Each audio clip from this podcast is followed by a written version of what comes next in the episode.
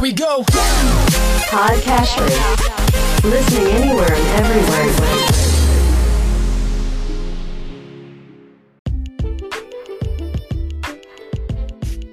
Welcome to Weekly Investment Podcast bersama saya Ferdian Syah Putra dari Ispring Investment Indonesia untuk Prudential Indonesia. Jika Anda memiliki uang 1 miliar rupiah, di manakah Anda akan menginvestasikan dana tersebut? Dengan hadirnya ragam pilihan dana investasi masa kini, tak jarang investor akan merasa kebingungan. Ada banyak faktor yang menyebabkan seseorang sukses ataupun gagal dalam berinvestasi. Salah satu komponen kunci keberhasilan strategi investasi adalah pada penentuan alokasi aset yang baik.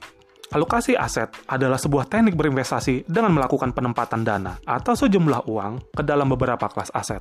Terdapat berbagai macam kategori kelas aset yang biasa digunakan dalam berinvestasi, seperti saham, obligasi, properti, emas, reksadana, maupun deposito. Sebelum melakukan alokasi aset, investor dapat memperhatikan poin-poin berikut.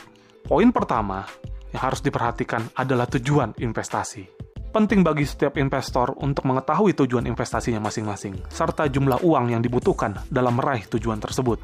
Hal ini akan membantu investor menentukan kelas aset yang akan digunakan. Poin kedua yang harus diperhatikan adalah jangka waktu investasi.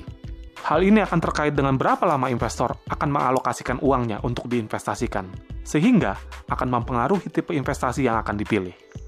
Sebagai contoh, jika investor membutuhkan hasil investasinya dalam jangka panjang, maka sebaiknya mempertimbangkan porsi investasi yang lebih banyak pada instrumen saham. Poin ketiga yang perlu diperhatikan investor adalah profil risiko. Sikap investor terhadap risiko yang dapat diterima dengan imbal hasil yang dibutuhkan atau diinginkan juga mempengaruhi alokasi aset. Investor sebaiknya memahami bahwa setiap kelas aset memiliki tingkat pengembalian dan risiko yang berbeda, Profil risiko ini biasanya digolongkan menjadi agresif, moderat, dan konservatif. Setelah tiga poin tersebut terpenuhi, sebaiknya investor membuat perencanaan strategi alokasi aset. Strategi alokasi aset merupakan strategi penyesuaian komposisi portofolio berdasarkan tingkat imbal hasil yang diharapkan. Investor dapat mempertimbangkan untuk melakukan penyebaran risiko investasi ke beberapa kelas aset. Dengan kata lain, don't put all your eggs in one basket. Jangan taruh semua telurmu dalam satu keranjang. Ada beberapa teknik yang dapat dilakukan dalam menentukan alokasi aset yang sesuai. Misalnya sebagai berikut. Teknik yang pertama yaitu penggunaan pendekatan tradisional. Dalam teknik ini, seorang investor yang konservatif dapat mengalokasikan porsi investasi ke kelas aset saham sebesar 20%, kelas aset obligasi sebesar 70%, dan kelas aset pasar uang sebesar 10%. Untuk investor yang moderat, dapat mengalokasikan ke kelas aset saham sebesar 50%, obligasi sebesar 45%, dan pasar uang sebesar 5%. Sedangkan untuk investor yang agresif, dapat mengalokasikan ke instrumen saham sebesar 80%, obligasi sebesar 20%, dan tanpa harus mengalokasikan ke instrumen pasar uang. Teknik kedua yang dapat digunakan untuk menentukan alokasi aset, yaitu menetapkan alokasi aset berdasarkan usia. Ketika investor bertambah tua, penting bahwa alokasi aset disesuaikan untuk mencerminkan perubahan tersebut.